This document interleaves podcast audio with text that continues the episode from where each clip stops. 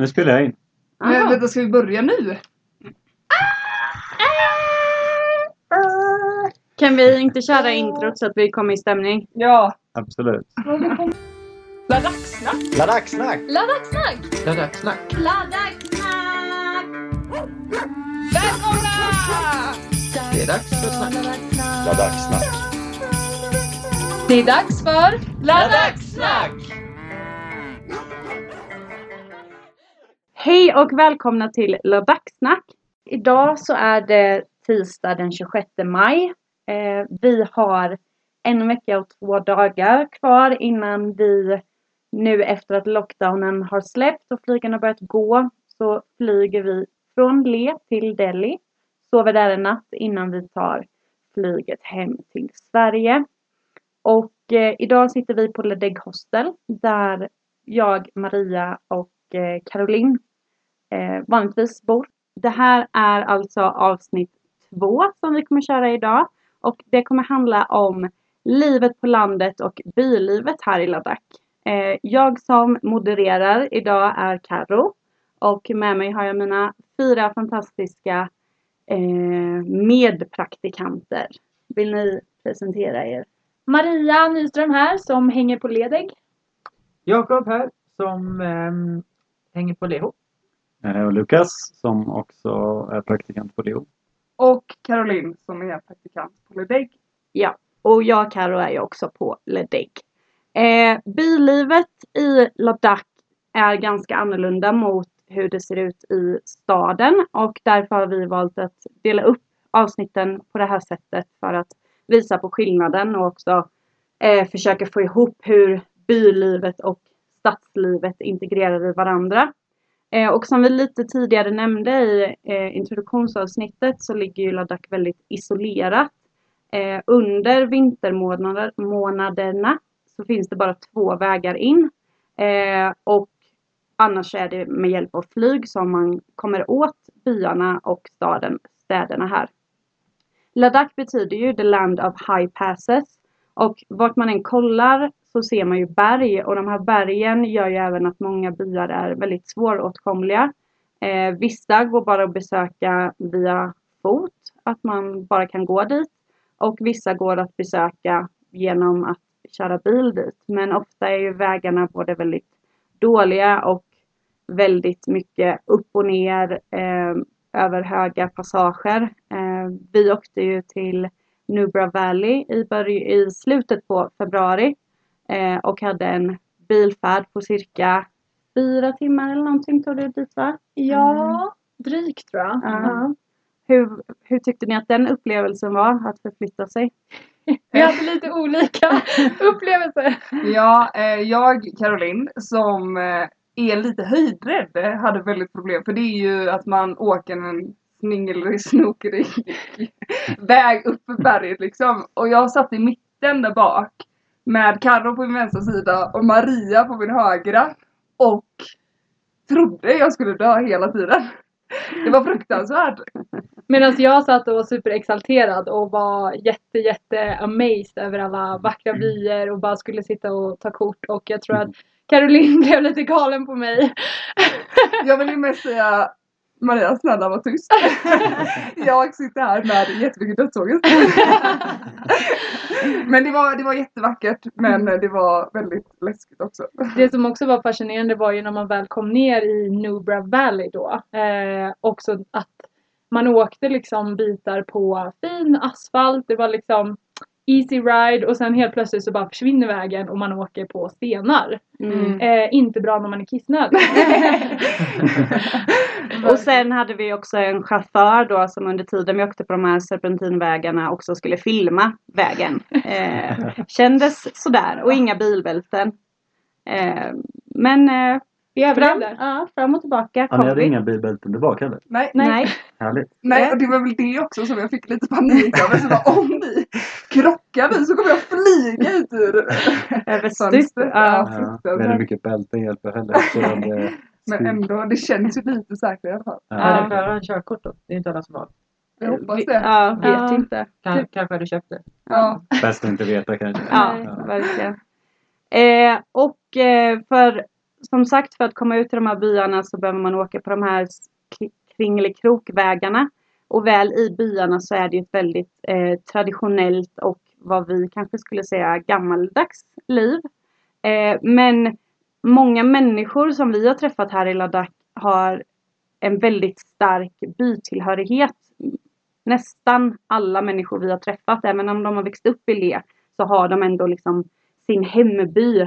Att så här, i byn hemma där odlar vi och där har vi djur och sådär. Eh, men förutom att det är svåråtkomligt med, på grund av bergen så är det också väldigt hårda säsonger.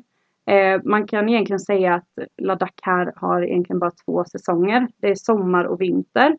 Sommaren är mellan april till september någon gång eh, och då kan temperaturen vara upp mot 30 plusgrader och ofta ligger det på plus även på nätterna.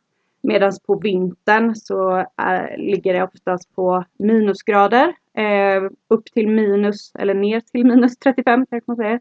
Eh, men eftersom det också är en kall öken så skiner ju solen väldigt mycket. Och solen är otroligt stark här. Och det har ju vi märkt genom att ja, men på dagarna nu i maj så har jag kunnat ligga och sola på taket. Och sen går vi ner på kvällen och har dunjackor på oss på middagen. Eh, och när vi kom hit i början på februari så sov vi ju med två lager och sovsäck och täcken. Så att det skiljer sig väldigt mycket och även både under dagarna men framförallt eh, under säsongerna. Eh, sen har de eh, ett, en liten period som kallas för monsunperiod. Men eftersom det är en kall öken igen så är det inte säkert att det regnar under den här perioden. Men om det regnar så eh, finns det risk att det blir skyfall som skapar mudslides, vilket är en typ av eh, lavin av lera som Caroline, Caroline eh, benämnde det innan. Eh, som kan orsaka väldigt stora problem. Eh, framförallt i byarna. Eh, och du Caroline kanske vill berätta lite vad det kan ha för konsekvenser när dessa sker? Ja men precis. Ehm, jag ska prata lite om problemet med eh, vatten. I byarna så finns det ju mycket vattenbrist.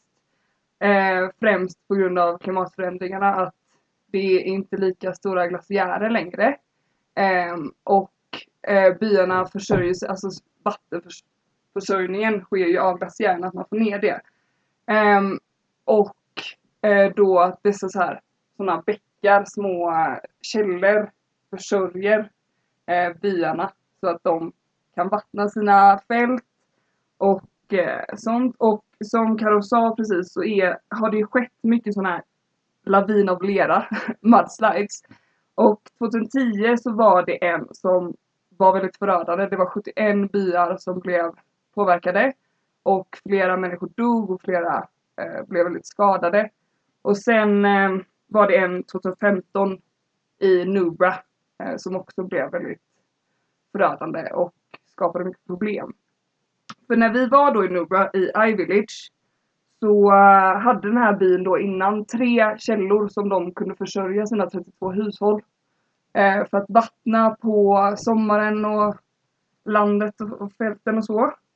Men eh, i och med den här mudsliden så förstördes två av dem så de kunde inte riktigt alltså, vattna längre.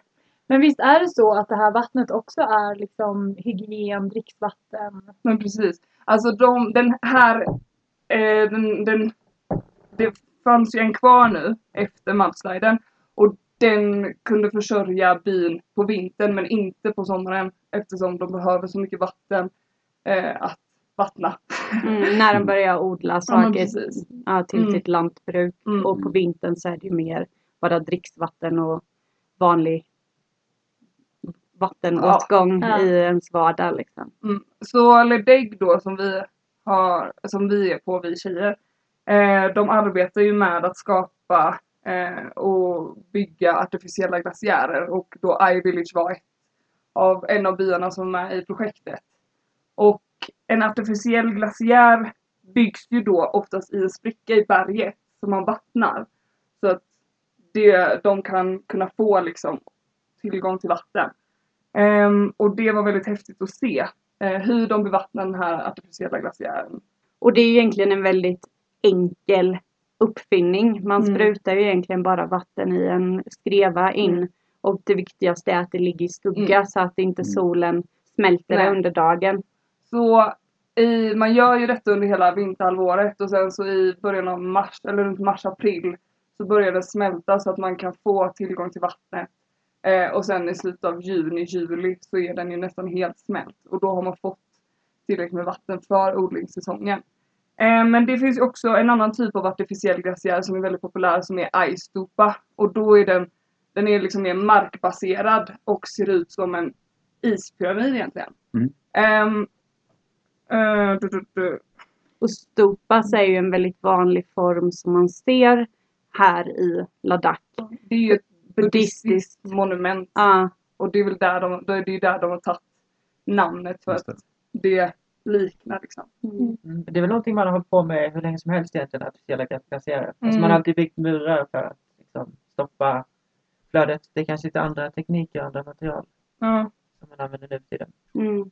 Ja, det var ju intressant till exempel när vi var på en hike nu för en vecka sedan. Att man ser eh, lämningar kvar i bergen där man har försökt liksom stanna upp vattnet. Mm. Men man ser nu också att det finns absolut noll glaciärer kvar. Det är Mm. liksom bara sand. Mm. Eh, och det är ju väldigt intressant att det här har ändå varit en, en glaciär som man har använt till Mm. vattenförsörjning.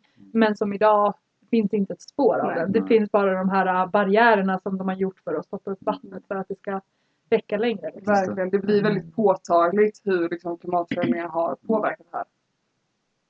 Men det, är, det är intressant också att även om, för de är ju liksom från flera hundra år eh, gamla. Men man använder ju i stort sett exakt samma teknik eh, idag. Vi såg senast igår, eh, Leo jobbar ju med att bygga sådana. Eh, att man har Artificiella glaciärer eller att stoppa upp vattnet. att stoppa upp vattnet för att spara på, eh, alltså för att bygga upp glaciärer. Liksom. Ja, Eh, som vattenreservoar eller vad, finns det någon benämning för vad de kallar det? Nej, Det, det är väl en typ av artificiell glaciär. Ja, den är mycket precis. enklare. Det handlar liksom inte om Ja. att bygga upp en Nej. stupa utan att stoppa flödet på en skuggig plats så att det liksom byggs upp en glaciär. Mm. Så att den liksom kan Mm. generera smältvatten senare Mm. på säsongen. Så det är väl lite annat material. Alltså där har de använt lite sådana man säga, stålstängsel för att hålla ihop stenarna. Men det är fortfarande samma stenar som man har tagit från området runt om. Precis som de här gamla murarna eh, som man ser vara kvar.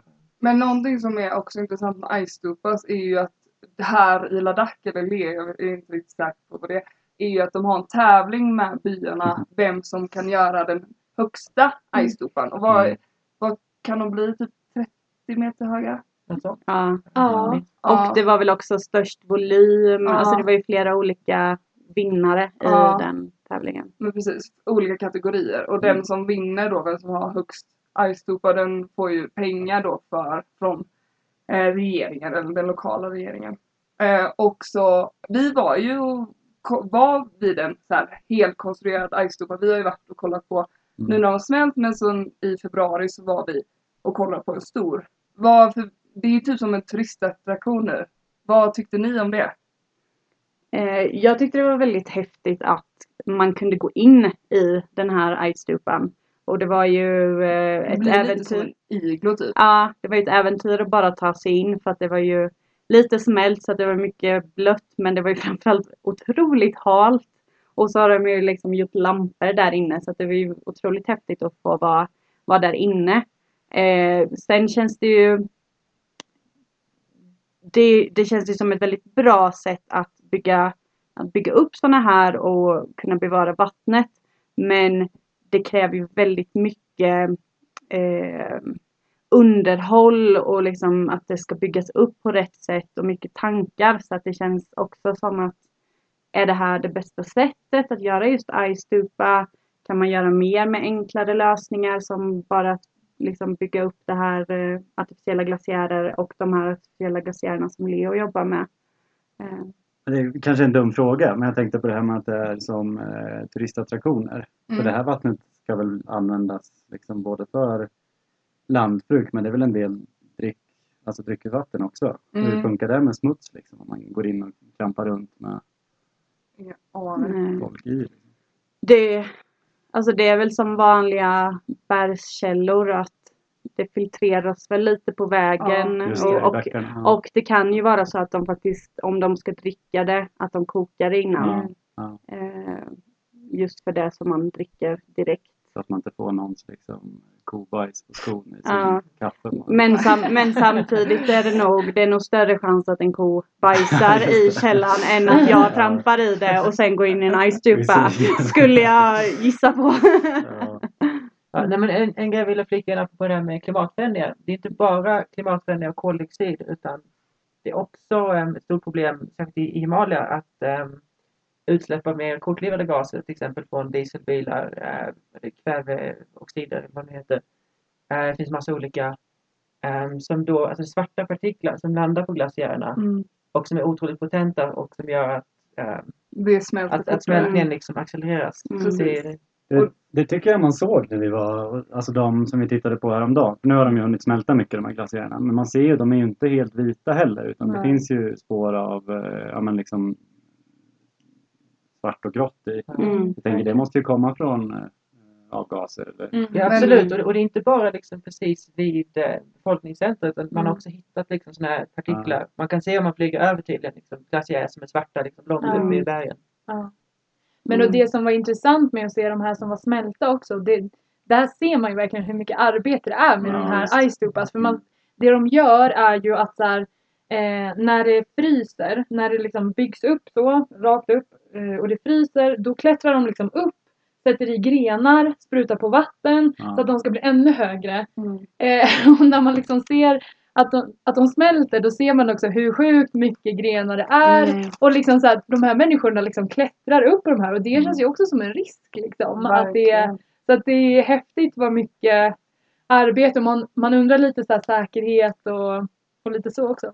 Ehm, och vi har ju faktiskt en medpraktikant som inte är här, men som har varit här. Eh, Klara Hugosson som var på eh, Säckmål.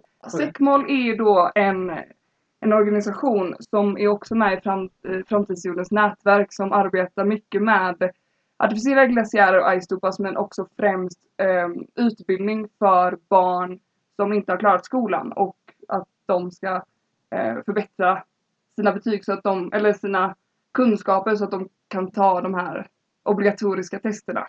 Eh, Men vi kommer prata mer om säckmål i ett senare avsnitt. Här kommer i alla fall Klara och hennes tankar hur det var att eh, bygga en eh, ajstupa. Jag var med och byggde en ajstupa i eh, projektbyn Umla som låg ett par mil eh, utanför Säckmål. Eh, och det var väldigt spännande att vara med från början och se hur man bygger upp det här. Jag tror att jag skulle säga att det mest intressanta är att man bygger hela grejen manuellt utan några tekniska hjälpmedel och sånt. Eh, och att man får det att funka. Eh, sen skulle jag säga att det största, största struggeln vi hade det är att man bygger det helt manuellt utan några tekniska hjälpmedel. För det är så otroligt mycket kraft och energi som, som går åt att, att eh, underhålla, att åka dit två gånger om dagen, sen stänga av, sätta på reglage, tömma rör när de fryser, för det gör de dagligen. Eh, så att eh, det, det fanns eh, två sidor av samma mynt där. Även om det var väldigt spännande så, ehm, så var det samma, samma anledning till att det också varit ganska så jobbigt. Tack Klara för dina visa ord och tankar.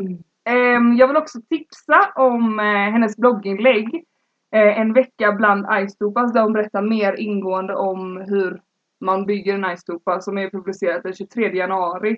Men vill också även tipsa om eh, vårt Instagraminlägg som är publicerat 28 februari där vi har lite bilder från när vi var i iVillage och hur en artificiell glaciär ser ut. Och eh, blogginlägget finns ju på Framtidsjordens praktikantsblogg och Instagraminlägget ligger på Framtidsjordens Instagram. Yes.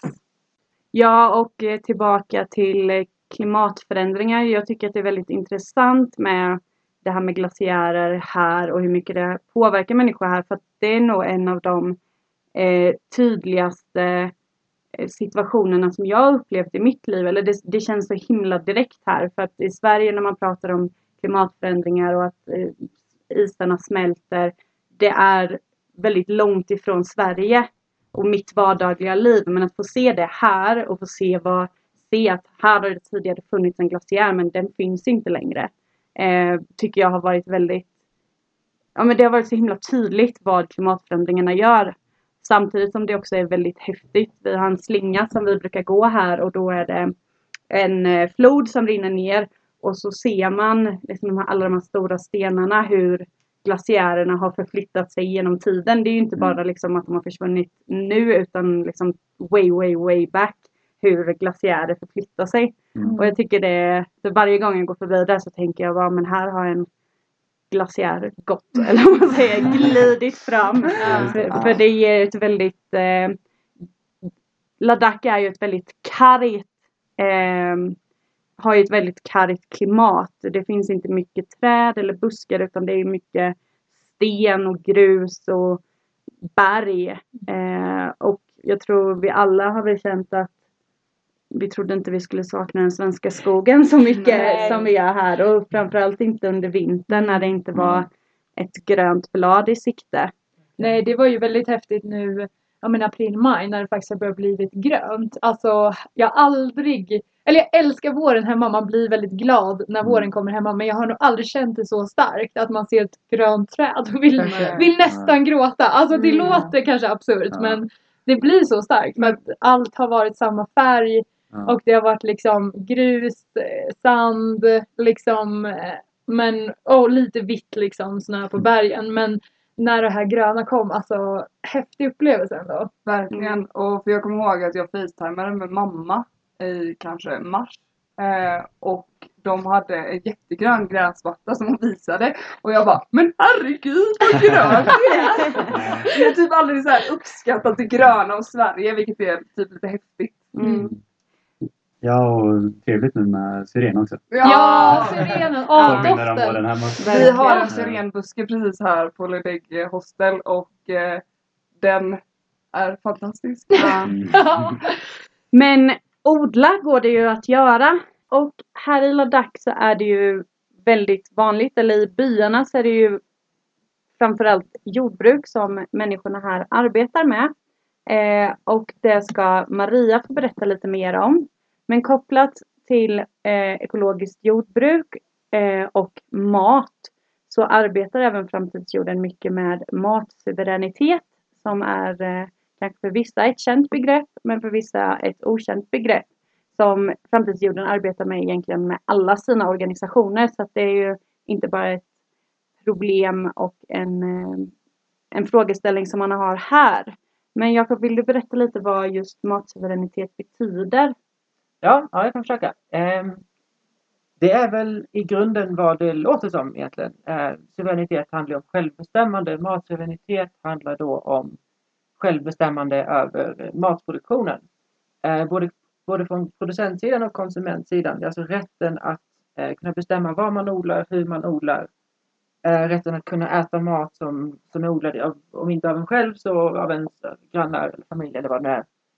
Ehm, så det handlar om att kunna kontrollera hela produktionskedjan eh, helt enkelt. Ehm, eh, men eh, man kan väl säga att det handlar om en mångfald, att, att kunna odla liksom en mångfald av olika grödor för att kunna till stor del i alla fall försörja sig själv.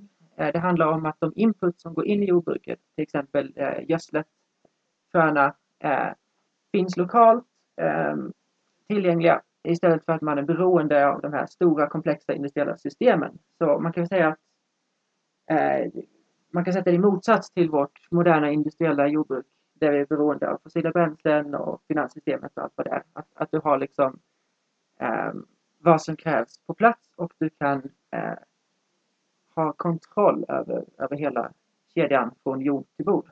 Sen finns det ju även begreppet matsäkerhet som är besläktat med matsuveränitet. Men vad blir skillnaden där? Just det, ja, men det är en bra poäng. Matsäkerhet handlar eh, basically om att du ska ha tillräckligt med mat för att äta dig mätt.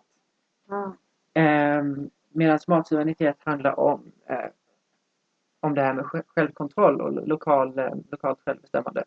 Så matsäkerhet, att man har mat att äta, matsuveränitet, att man kan bestämma vad man äter och vart det produceras. Precis, och matsäkerhet handlar väl om mängden snarare. Du ska ha tillräckligt. Eh, matsuveränitet handlar om mycket mer. Det handlar om, det finns en ekologisk dimension. eh, Att det, du har ett mycket lägre fotavtryck eh, med ett lokalt jordbruk. Eh, det handlar om en, en resiliensaspekt. Eh, att du inte är beroende av de här bräckliga stora systemen. Eh, och det finns den här politiska aspekten att, eh, att du har liksom kontroll. Du kan föda dig själv och då har du en större politisk eh, självständighet. Och eh, odlingen, odlingen i byarna i Ladakh, hur ser det ut Maria? Ja, ehm, traditionellt sett, precis som du var inne på, så har man ju ägnat sig väldigt mycket åt eh, eh, jordbruk. Eh, man har egentligen levt eh, självförsörjande i byarna under en lång tid. Eh, men nu tyvärr så är inte byarna längre självförsörjande vad det gäller eh, fröer främst. Ehm, idag så använder man mest eh, något som kallas för hybrid seeds och det är fröer som man bara kan använda en säsong. Eh, sen måste man liksom få tag på nya fröer och plantera dem igen. Så det jobbar eh, Ledig mycket med. Att åka ut till byarna och förse byarna med olika fröer. Är alla hybrid seeds på det sättet? Att, Eh, nej, det finns vissa, vad ska man säga, kanske lite mer traditionella fröer som byarna faktiskt eh, har liksom själva ute i byarna. Och det är till exempel vete, barley, vad är det på svenska? Korn. Korn. Korn. Eh, och sen en lokal ärta. Eh, men också potatis. Potatis är kanske inte traditionellt för det har funnits kanske 20-25 år. Men det kan de i Oj. alla fall vara eh, självförsörjande på idag. Men det som eh, Ledeg eh, levererar till byarna nu det är bland annat eh, kidneybönor, det är linser, eller dal som de säger här, och också vattenmelon. Vattenmelon är en bra gröda för det är något som de också kan sälja mycket till så hotell och hostel och sånt. För att det är turister som, ja, men som, som gillar det. Och, och Det är väldigt gott. det är väldigt gott! Som mig. ja. Men det är fröna de levererar och inte själva produkten. Nej, Nej. bra förtydligat. Det är ju fröerna de eh, levererar. Och sen så, ehm, ja, men så odlar de det och får ett överflöd så att de också kan sälja det. Det som är bra med bönor och dal det är att man också kan torka det. Eh, Mm. så att det räcker länge och man också kan sälja det. De säljer det till exempel i iVillage där vi var då som eh, Caroline nämnde. Så, så sålde de ju det till till exempel skolorna där. Eh, så då får de lite extra pengar. Eh. Men vattenmelon, om det är eh, någonting som de har tagit in hit, varför eh, har det alltid gått att odla det här? Nej, alltså vi har ju pratat mycket om klimatförändringarna eh, och klimatförändringar är ju inte bra. Men det har ju bidragit till att man faktiskt kan odla saker som man inte har kunnat odla tidigare. Till exempel eh, mer gröna grönsaker såsom mangold, spinat, pak choi men också eh, vattenmelon. Och koriander. Eller mm! vi har lite olika eh, Det är ironiskt upplevelser. att man nu kan odla mer vattenmelon när man får vattenbrist på grund av Ja. Ja, ja men precis. Ja, eh, fröer är ju också någonting som eh, min och Lukas organisation Leho eh, jobbar med. Eh, I huvudsak genom en eh, fröbank eh, som de har startat i byn Takpachik som vi kommer höra mer om senare. Det är ett väldigt enkelt koncept. Det finns ett antal fröer. Det handlar då om att bevara en, en mångfald av traditionella fröer. Ehm, man kan då ta fröer från eh, frömarken för att odla förutsatt att man lämnar tillbaka samma mängd fröer vid odlingssäsongens slut. Ehm, så för att komma in på min käpphäst eh, matsuveränitet återigen eh, så handlar det om att etablera ett lokalt och ett lokalt och självstyrande system för fröutbyte så att man inte är beroende av frön utifrån utan att man har den handeln liksom, lokalt. Och just fröbankar är ju också någonting som vi har sett i många av de organisationer som Framtidsjorden arbetar med. Eh, även i Sydamerika, bland annat i Colombia, så arbetar de väldigt mycket med fröbanker och att bevara både biologisk mångfald men framförallt då liksom fröer som har eh, levt i den här typen av klimat under en väldigt lång tid att bevara dem på ett bra sätt. Så att det är ju inget varken unikt med att det finns här i Ladakh utan det är en väldigt eh, central fråga i många eh, av de här organisationerna och den här typen av arbete. Ja, och Indien har ju ett nationellt matsäkerhetsprogram som innebär att de eh, gör subventioner för vissa typer av grödor för att alla människor ska ha rätt till mat. Eh, och i teorin så är ju det här ett väldigt bra sätt för att se till att alla människor får mat. Eh, nu under coronakrisen så har de gått ut med ett ännu större eh, matsäkerhetsprogram som också innefattar att man får eh, bidrag i form av pengar men framförallt då med mat. Eh, hur tar sig det här programmet uttryck här i Ladakh? Ja, ehm, via Jakob, vad heter de här eh, storesen som jag alltid glömmer bort? På engelska heter de Russian stores. Och då vill jag bara tillägga att det inte är ryska affärer utan det är ranson. Så vi Just är det. med på det. Precis, och där tar man ju in då bland annat eh, ris och säljer till ett väldigt lågt pris eller till och med ger bort gratis. Och absolut, det är ju eh, bra eh, ur den synpunkten att alla får tillgång till mat. Eh, de som inte har råd. Det som dock är tråkigt och är problematiskt med det här det är att eh, mycket av de traditionella grödorna blir påverkade. Att de till och med slås ut. Eh, att man ser inte i samma utsträckning eh, de här traditionella grödorna som man gjorde för ja, eh, kanske 50 år sedan eller liknande. Ja, det här är ju ett eh, utmärkt exempel på eh, Eh, konflikten mellan matsuveränitet och matsäkerhet. Är det här programmet, den här ransoneringen, det ska sägas att ransonering i sig är, är en bra idé för att ehm, allokera en, en bristvara eller en vara som det finns brist på ehm, för att se till att alla får tillgång. Så att det inte blir det vi har sett med nu i coronakrisen, att när det är brist på någonting och det bara säljs på marknaden, att det, det är de som har pengarna som får tillgång till det. Eh, men problemet här är att du har en väldigt okänslig eh, förstandardiserad lösning som ska funka överallt. Det vill säga, det, det är liksom, du ska ha tillräckligt med ris åt alla. Problemet är att det här slår ut de eh, lokala grödorna eh, eftersom det är subventionerat och det är producerat eh, eh, på ett industriellt sätt och därför är betydligt billigare. Eh, så där har vi å ena sidan matsäkerhet som handlar om att man vill skeppa in stora mängder ris. Men det eh, underminerar då matsuveräniteten eftersom Eh, det gör det svårare för eh, lokala bönder att eh, odla sina grödor och få inkomst för sina grödor. Så ett jättebra sätt för att motverka det här hade ju kunnat vara att då regeringen istället tar in korn eller bovete istället för ris och liksom ger inkomst till bönderna och också att människorna här äter av en lokal produkt. För att även produktionen av ris eh, har ju en väldigt stor konflikt eftersom det krävs väldigt mycket vatten, ofta i områden där det inte finns så mycket vatten och har ett relativt lågt näringsvärde. Så att det finns ju många andra typer av eh, sädeslag som hade kunnat fungera istället för ris. Eh, ett, eh, något som vi i Framtidsjorden pratar ofta om är hish eh, som eh, finns både i Indien och Sydamerika. Och en grej med ris är ju att det är, det är lite status att äta ris jämfört med hirsch. Eller det var det från början Ja. och då har det liksom Det är därför det har blivit så populärt. Eller en av anledningarna.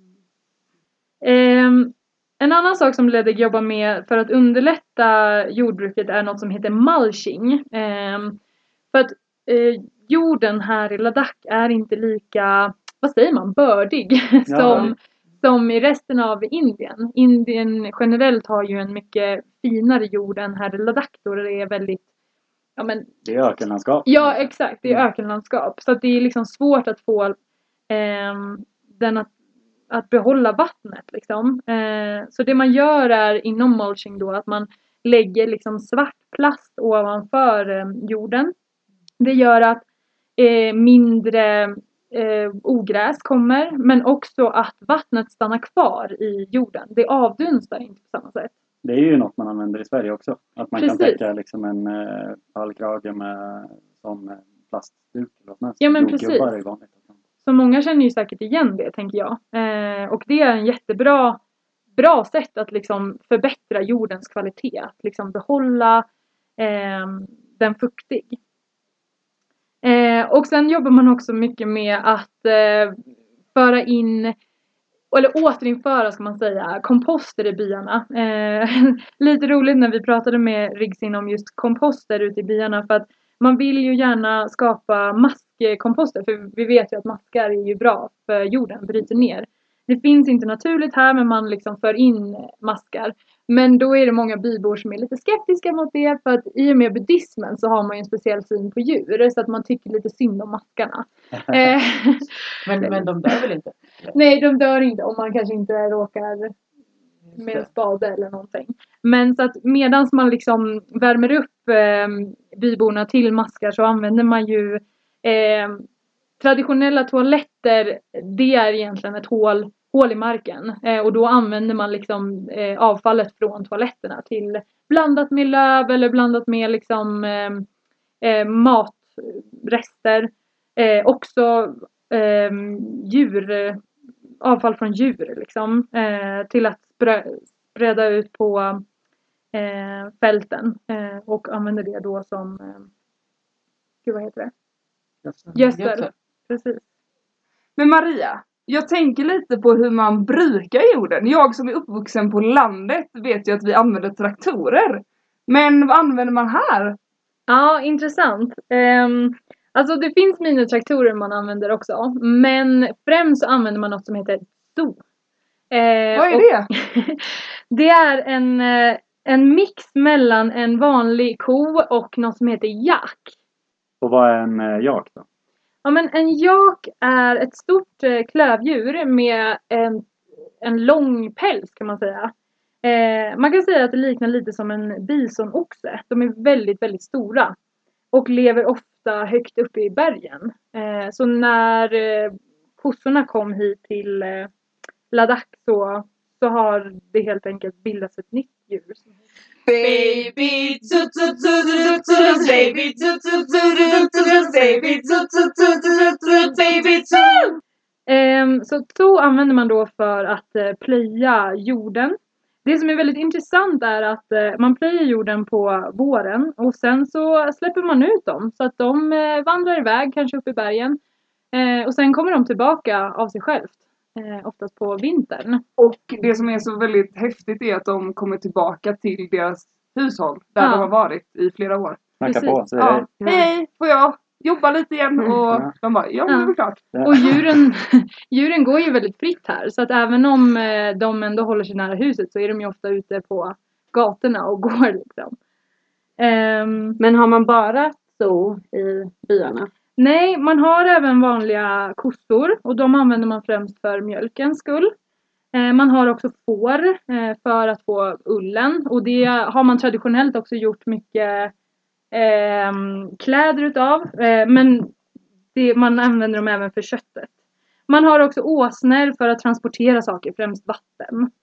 Men det är också ett problem när de här djuren går ganska fritt ute i byarna för att Hundar är ett ganska stort problem här. Eh, där de bland annat attackerar djuren eh, och dödar dem. Men hundar kommer vi också komma in mer på i senare avsnitt. Ja, men apropå eh, kor och boskap så är det också någonting man eh, uppmuntrar från den lo- lokala regeringens håll. Att man, eh, man subventionerar hushåll att ha kor. Eh, återigen det här med matsuveränitet så att man kan använda gödslet så att man inte är beroende av import av konstgödsel och även för inkomsten som man får av eh, mjölken. Eh, ja, och eftersom den här praktiken inte blev riktigt som vi hade tänkt på grund av corona så har inte vi kunnat vara ute jättemycket i byar för att se hur eh, lantbruket och, och liknande ser ut på våren.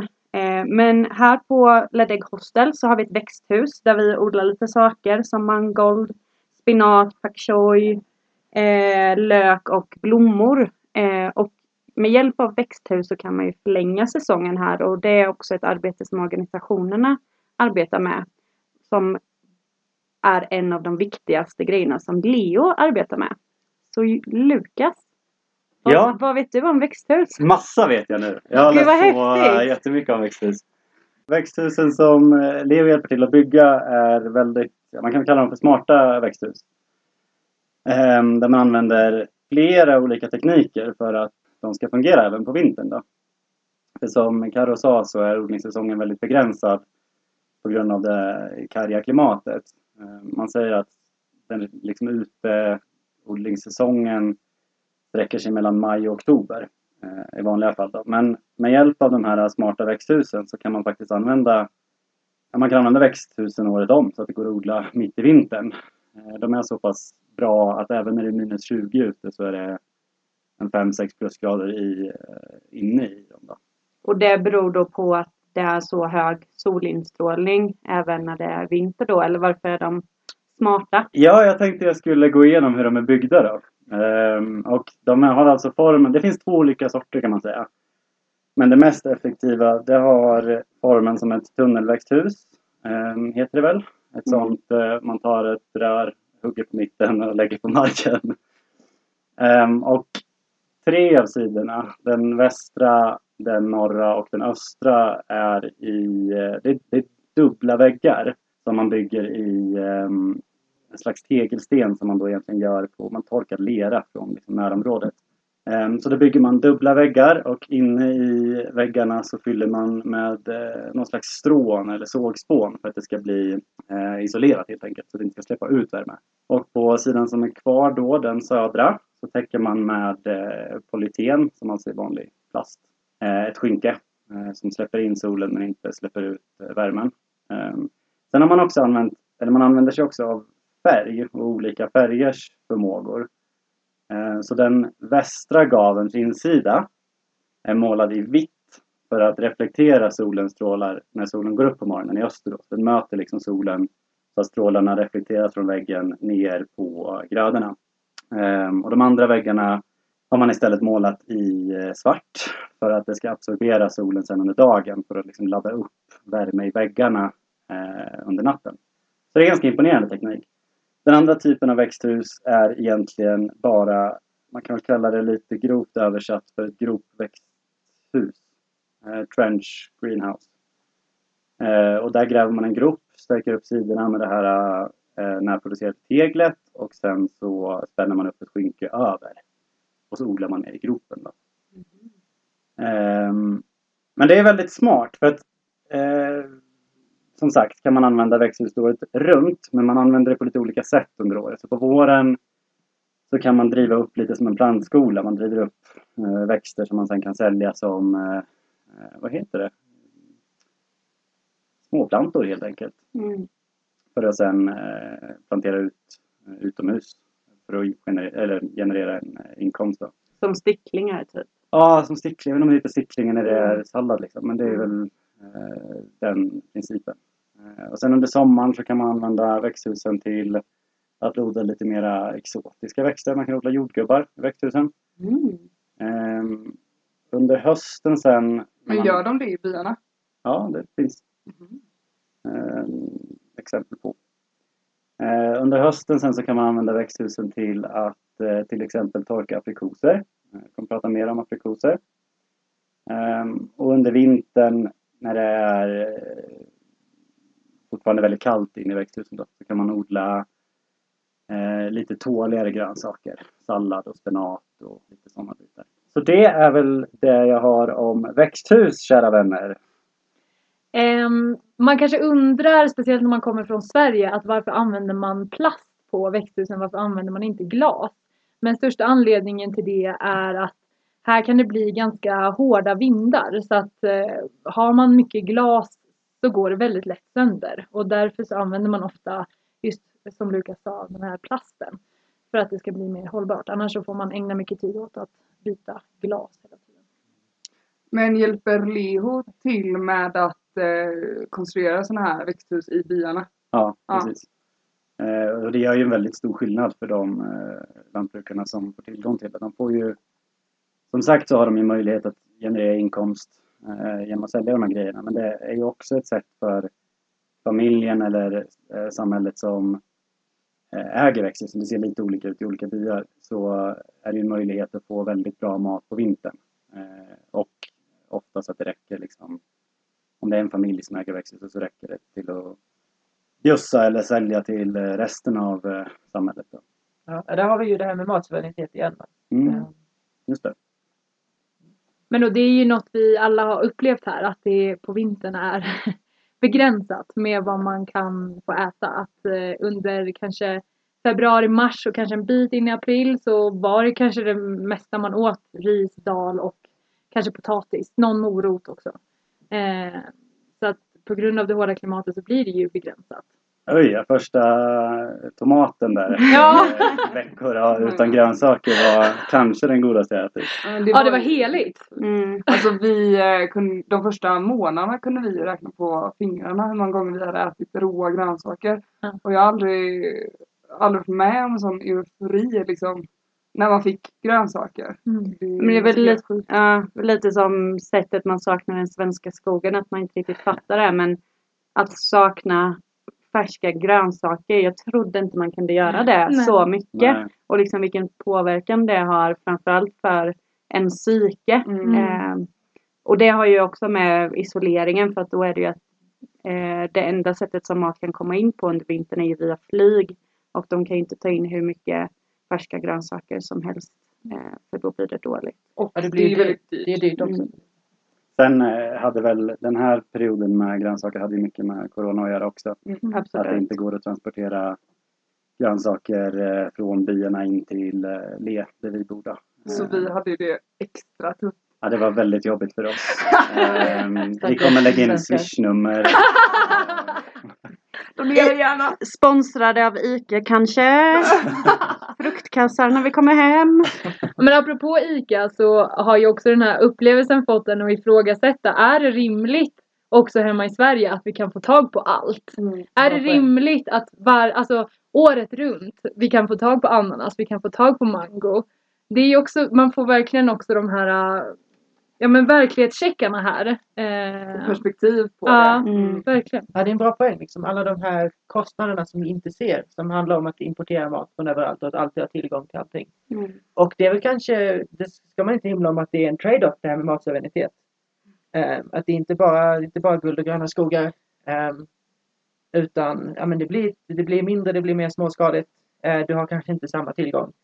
Men du har inte det här beroendet av ja, men allt vi pratade om innan. Mm. Så det, det, blir ju, det blir en avvägning. Men eh, det ser vi nu i, i coronavirusets tider. Att det är kanske en rimlig avvägning att vara lite mer oberoende av de här globala, av det här globala systemet. Och kunna fortsätta eh, odla som man gör även eh, när det globala jordbruket kanske havererar. Precis. Mm. Men de här växthusen då, hade det här, jag som odlar lite småskaligt på min balkong, hade de här växthusen funkat i Sverige också under vintern? Nej, det bör ju tilläggas att eh, Le har, är det någon som har dagarna? Soldagar. 320 snittar de på. Mm. Det är väldigt mycket sol jämfört med en svensk vinter. Svenska november, tror inte. Det är sant. Det är väldigt sant. Eh, Men det är intressant, alltså även Ja. i, i ett svenskt perspektiv, att det, det kanske också är någonting Ja. som vi i Sverige ska arbeta mer för att kunna vinterodla och Ja. hur, hur det kan gå till. Det här med att ehm, anpassa sig efter lokala förutsättningar är ju något som återkommer i många av projekten som våra organisationer jobbar med. Det kallas för appropriate technology eh, som eh, någon kanske vill förklara ytterligare. Just det, men vi, vi pratade ju om matsuveränitet innan, att det handlar om självbestämmande över liksom hela matproduktionen. Te- ehm, appropriate technology kan man säga är lite samma sak för, för teknologi i allmänhet. Eh, det handlar om att ha självbestämmande över den teknologi man använder i bemärkelsen att man inte nödvändigtvis är beroende av en massa externa inputs. Det kan vara fossila bränslen men det kan även vara Eh, att det är liksom dyra komplicerade teknologier som man behöver låna mycket pengar för. Att de produceras i stor skala och det gör att man inte längre har den här liksom, mångfalden av um, livelihoods. Vad heter det? Arbetstillfällen eller Ja, Eller- helt enkelt. eh, Ja. Att, ja. Ja. Men eh, kan inte där också vara ett problem att man har väldigt mycket eh, arbetare som inte, alltså icke-lokala arbetare? Kan inte det vara en del i att man försöker komma ifrån det? Hur menar du? Ja men att det kanske inte är eh, eh, om vi tänker ledor då är det ju många som kommer utifrån och jobbar på restauranger som jobbar i eh, med att bygga hotell till exempel. Och det har vi sett nu under corona att nu står det stilla för att det inte är människorna i Le som arbetar med det. Att det kanske också är- blir en del i att inte vara beroende av inputs från andra ställen utan att man kanske kan arbeta med det med hjälp av lokal arbetskraft. Just det, precis. Det blir ju tydligt eh, liksom, värdet av detta i, i en sån här situation. Mm. Eh, där de här produktionskedjorna som vi är vana vid bara rullar på eh, någonstans eh, stannar upp. Att det är rimligt att ha liksom de material, det kapital, eh, den arbetskraft man behöver eh, tillgängligt eh, lokalt i, i stor utsträckning. Eh, det, om man, eh, det är en ganska intressant historia hur appropriate technology uppkom. Eh, som kan vara relevant i sammanhanget. Eh, om du tittar på den indiska flaggan eh, så är det ett hjul i mitten. Eh, det är faktiskt en censurerad version av det förslag som Gandhi först hade för den indiska flaggan som är en spinnrock. Mhm. Den här spinnrocken symboliserade då kampen mot, alltså, den indiska självständighetskampen mot det brittiska imperiet. Där det just handlade om att man ville uppmuntra att folk spann sitt garn ute i byarna. Um, en av sakerna som det brittiska imperiet gjorde i Indien var att man förstörde den indiska textilindustrin. uh, så att uh, indier istället blev beroende av den brittiska te- textilindustrin och då blev man en slags billig arbetskraft för den här industrin eh, som producerade råvaror istället för att man hade kontroll över den egna, egna produktionen. Så det Gandhi ville var att man skulle i liten skala och utspritt eh, hemma i hushållen i byarna spinna sitt eget garn. Därmed blir man också mer ekonomiskt oberoende av imperiet och då är det lättare att bli politiskt oberoende. Så det handlar liksom om det här oberoendet och självbestämmandet. Eh, att kunna styra över sin egen utveckling eh, i en utsträckning man inte kan om man är beroende av industrier som är liksom bortom ens horisont. Så att säga. Ehm, och det är då det här som VNO led inspirerade begreppet appropriate technology.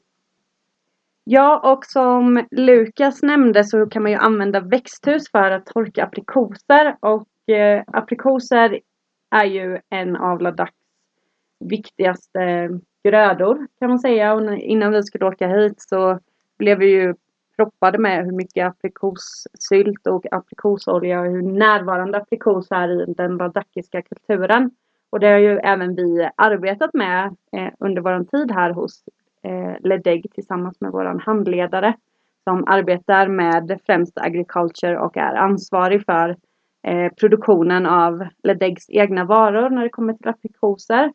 Eh, vill du berätta lite vidare om aprikosernas eh, betydelse här i Ladakh? Ja, absolut. Det är verkligen så som du säger. Överallt man tittar nästan så är det aprikoser. Ehm, det är ju enormt mycket aprikosträd i Ladakh och vi har ju precis fått varit med om eh, de fantastiska aprikosblommorna som luktar fantastiskt och är otroligt fina. Ehm, och det man gör med ap- aprikoserna det är att man, man skördar dem ungefär i augusti-september. Eh, och eh, antingen så torkar man dem och då finns det lite olika sätt att, eh, att torka dem. Eh, det kan vi kanske visa i ett Instagram-inlägg för att visa lite mer på hur, hur det kan se ut. Ehm, och, För, för förutom att torka dem i växthus så finns det även lite mer torkanordningar som man liksom har utomhus där solen skiner. Eh, som kan vara allt från lite enklare till lite mer komplicerade mackapärer. Precis. Men förutom att torka dem så kan man göra sylt utav dem. Eh, eller såklart äta dem som de är. Och vi har ju haft lyxen att varje frukost här så har ju vi fått aprikossylt till, eh, till frukost. Och det, Men det är ju... är ju så gott. Alltså aprikossylt. Rekommenderar. Ja, det är fantastiskt gott. Ehm, och eh, det som är bra om man gör sylten direkt, eh, direkt från färska frukter, så behöver man inte något konserveringsmedel. Men är det så att man kanske plockar hem aprikoser från byarna eller så, då använder man till exempel peptin som konserveringsmedel. Men så att det är ju verkligen eh, ekologisk sylt man får här. Så det är ju häftigt. Ehm, Också att vi, eh, Riggsin då vår handledare, han gör ju all sylten från träden på Ledegg. Ja, Eh, så det är ju Ja. Superlokalt. ja. Vilket är jättehärligt. Ja. Ehm, men också så har de en väldigt bra hållbarhet. Så har man liksom förslutit burken eh, bra så håller sylten upp till ett år. Så det är ju jättebra.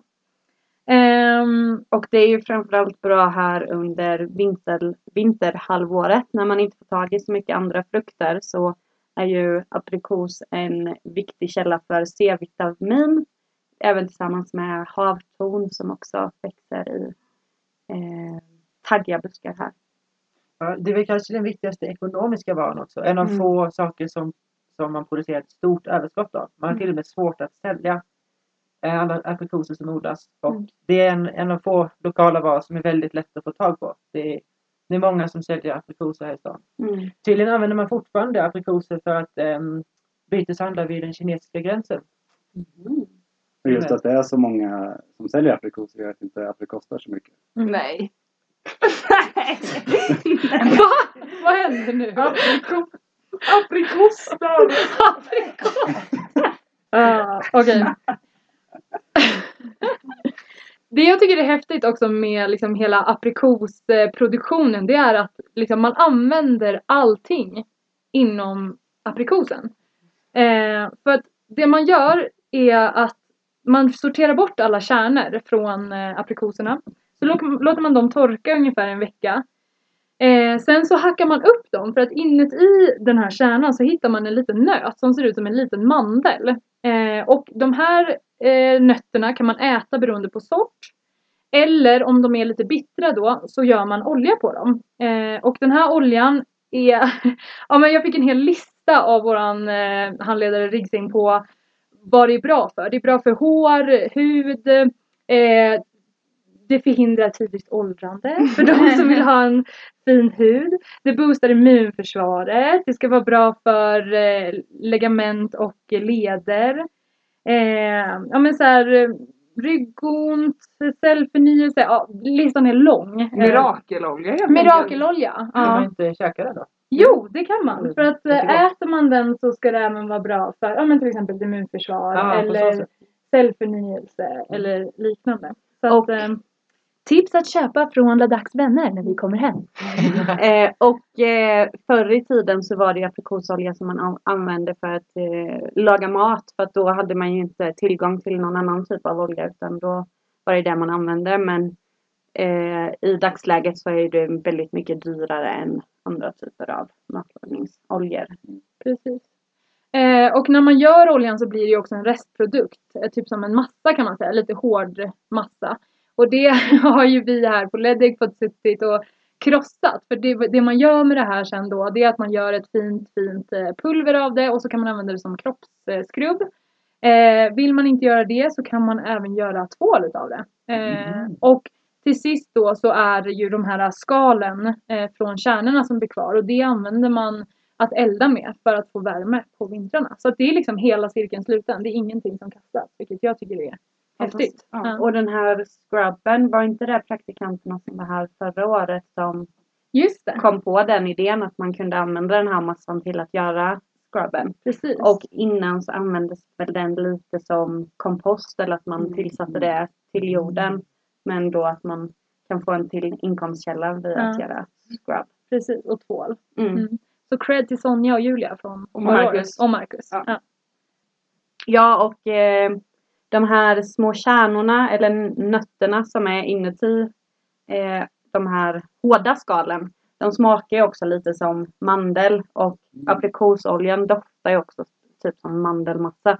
Så det är ju en helt fantastisk smak och doft.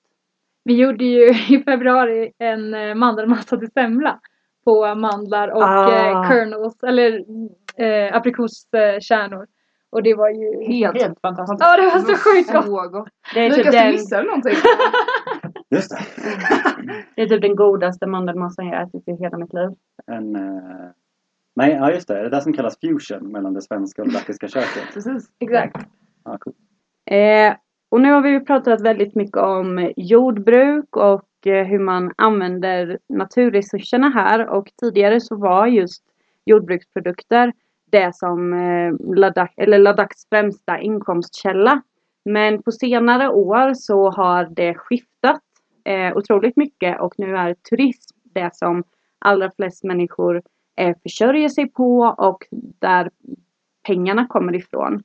Det här har såklart eh, både positiva och negativa effekter. Eh, framförallt i Lea som stad, vilket vi kommer att prata vidare om i nästa avsnitt. Men även på, i byarna så har ju turismen ökat. Eh, och som en motsvarighet till kanske den här ohållbara turismen där det kommer och det produceras mycket avfall och det traditionella Ladakh inte riktigt kommer fram så finns det ett begrepp som kallas för ekoturism. Och det ska Lukas berätta lite kring. Just det. Um, så att Leo, eh, organisationen som jag och Jakob jobbar på, jobbar väldigt mycket med att försöka lyfta fram ekologisk odling och de värdena som finns eh, i byarna. Ehm, och jag ska också nämna här att det finns en ambition hos regionens myndighet som har det fina namnet Ladakh Autonomous Hill Development Council. Ehm, De har en ambition att göra hela Ladakh som region ekologisk 2025. Och en del av det här är, eller oundvikligen blir det här att göra alla byar ekologiska. Så det Leo har gjort är att genom eh, ekoturism få ut, liksom decentralisera turismen ut till hela regionen. Där man ger turister en möjlighet att se de metoder och traditioner som finns inom lantbruket Eh, och lära sig både om teknikerna men också en del om den problematiken som finns med de systemen som vi varit inne på när vi har pratat om eh, matsuveränitet och import och export och de här bitarna. Så man får helt enkelt ut eh, turister till byarna där de kikar runt och så stödjer man eh, byn då att välkomna de här turisterna och, och visa upp sig genom olika workshops eller ceremoniella tillställningar eh, och sova över också. Man har något som heter homestays då. Man hjälper eh, hushåll att ta emot en gäst och, och visa upp samhället inifrån så att säga. Ehm, en nyckel i det här är ju också att man jobbar väldigt mycket, eh, jobbar aktivt för att få med byn i eh, men både genomförandet men också liksom formulerandet av de här projekten. Då. Så det finns liksom en kommitté i byn som, eh, som styr och ställer när det kommer till ekoturism och de bitarna runt omkring. Eh, Och en by eh, som är del av det här då är byn Takmashik som eh, man kan säga är adopterad av Leo. Eh, De stödjer dem väldigt mycket. Och den här byn har också fått status som en Eco Model Village eh, från lokala myndigheterna. Då. Så den kan ses som ett eh, gott exempel på hur en by kan jobba ekologiskt och eh, integrera turismen på ett hållbart och eh, bra sätt. Så att man istället för att eh, turismen bara ska bli ett problem kan det istället bli en, eh, en positiv effekt. Att det blir som en, det här blir en plattform att visa som sagt problemen och möjligheterna. Då. Ehm, jag och Jakob har jobbat väldigt mycket med just de här bitarna. Eh, Till byn Takmashik så finns det ett antal småbyar runt om som kallas för Doxas. Jag kan tipsa om eh, mitt eget blogginlägg eh, som heter Att återuppliva en bergsby. Där det går in lite mer detalj på det projektet. Men det handlar eh, framförallt om att återuppliva en sån kringliggande by. Eh, och ta det här eh, ekoturismen ett steg längre. Eh, Att man eh, bjuder in turismerna till det traditionella livsstilet som var ett steg bort från den här större byn då, till en mindre by. Att få komma väldigt, väldigt nära de traditionella teknikerna och eh, livsstilen helt enkelt. Så att man eh, både eh, marknadsför den typen av livsstil så att säga, men också bevara eh, och se till så att det finns kvar den typen av eh, samhällsstruktur. Ja, är det, man kan ju tillägga att det var ett slags sommarbyar, de här doxarna. Ehm, så att eh, det var ett gäng, ett gäng hushåll som då eh, gick upp till de här byarna på sommaren under odlingssäsongen. Eh, man hade med sig boskap som man släppte ut i bergen och eh, så hade man extra odlingsmark och sen återvände man med eh, ost och, och, och vad man hade odlat i slutet av odlingssäsongen. Kan ni jämföras lite med svenska fäbodar? Precis. Absolut. Det, det kan också tilläggas att de här sommarbyarna var ju framförallt bebodda av eh, kvinnor. Eh, att det framförallt var kvinnor som flyttade ut under somrarna. Eh, och i och med att det här har försvunnit så har ju kvinnornas roll i samhället förändrats kan man säga. I och med att det var en väldigt viktig del av samhället när man kom tillbaka med skörden så finns det mycket status i det. Och den har ju strypt i och med att man inte längre gör det. Så att eh, vi kommer ju prata mer om problemen när folk flyttar in till stan. Men en effekt är att det är männen som får jobb och kvinnorna blir sittandes eh, hemma. Eh, väntandes i stort sett, som vi har förstått det. Och det är ju en stor reduktion på deras eh, status och röst i, eh, i samhället. Menar du då att det är männen som flyttar in till Leastaden och kvinnorna blir kvar själva hemma i byn? Ja, det kan vara så, men det kan också vara så att familjen flyttar in till stan och kvinnorna blir sittandes. Där har man ju också problemet som vi har varit inne på tidigare så har ju folk en stark bytillhörighet och en stolthet och ett community i sina byar. Så att när man tar bort en familj därifrån så försvinner ju också mycket socialt stöd för individerna. Och blir man bara sittandes då utan sitt eh, gäng så att säga så blir det väldigt eh, ensamt under dagen också. Ja, och vi har ju träffat en eh, man som bor här i Ladakh som är eh, svensk, eh, som är gift med en kvinna som kommer just från Takmashik. Och hon berättar ju på att liksom på kvällarna efter man har varit ute hela dagen och plöjt och sått och arbetat på gården så eh, samlas man liksom ute på gatan. Det är ju inget centrum så som vi har det i, i Sverige utan det är ju en gata och då eh, leker småpojkarna med varandra. De gamla kvinnorna sitter och pratar med varandra. Att det finns en väldigt liksom hänga med varandra kultur. Generationsöverskridande Ja. umgänge kanske? Ja. Men mycket att man tar hand om varandras barn. Mm. Generellt. Att alla i byn hjälps åt. Mm. Vilket är häftigt. Förlåt. Det reflekteras också i sättet som folk pratar med varandra. Man, man kallar eh, alla för antingen bror eller, eller farbror eller Äldre Farfar. syster eller Mm. bror. oavsett vad det är för biologiska släktband. Men eh, du, eh, du sa ju att Takmashik är en eko mm, role model by. Ja, precis. Ja. Vad är det som har varför tror ni att det här har funkat i Takmashik? Vad är det som hindrar andra byar från att fungera på samma sätt? Var, varför gör inte alla det här om det här har funkat så bra i Takmashik?